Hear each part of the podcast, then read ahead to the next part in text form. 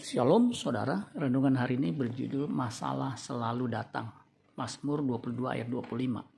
Sebab ia tidak memandang hina ataupun merasa jijik kesengsaraan orang yang tertindas. Dan ia tidak menyembunyikan wajahnya kepada orang itu. Dan ia mendengar ketika orang itu berteriak minta tolong kepadanya. Selama kaki kita masih menginjak bumi, kehidupan kita tidak akan pernah luput dari masalah atau pergumulan hidup setiap manusia tanpa kecuali pasti menghadapi masalah. Sebab masalah dapat menyerang siapa saja.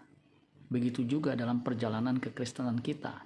Tuhan tidak pernah berjanji bahwa setelah mengikut dia, kita akan terbebas dari masalah. Tuhan berjanji bahwa di dalam dia selalu ada pertolongan dan jalan keluar. Melalui kuasa roh kudusnya, Tuhan akan menopang, menguatkan, dan menyertai kita. Seringkali ketika sedang dalam masalah dan kesesakan, banyak dari kita yang mudah tersulut emosinya, kecewa, dan bersungut-sungut. Apalagi jika doa kita belum dijawab Tuhan. Keluh kesah adalah hal yang manusiawi. Tapi kalau hal itu kita lakukan terus-menerus setiap kali menghadapi masalah, hal itu akan menja akan menjadi penghambat iman kita dan menjadi penghalang bagi kita untuk mengalami mujizat dari Tuhan. Justru saat dalam masalah inilah kesempatan bagi kita untuk mengaplikasikan iman kita sehingga iman kita benar-benar hidup.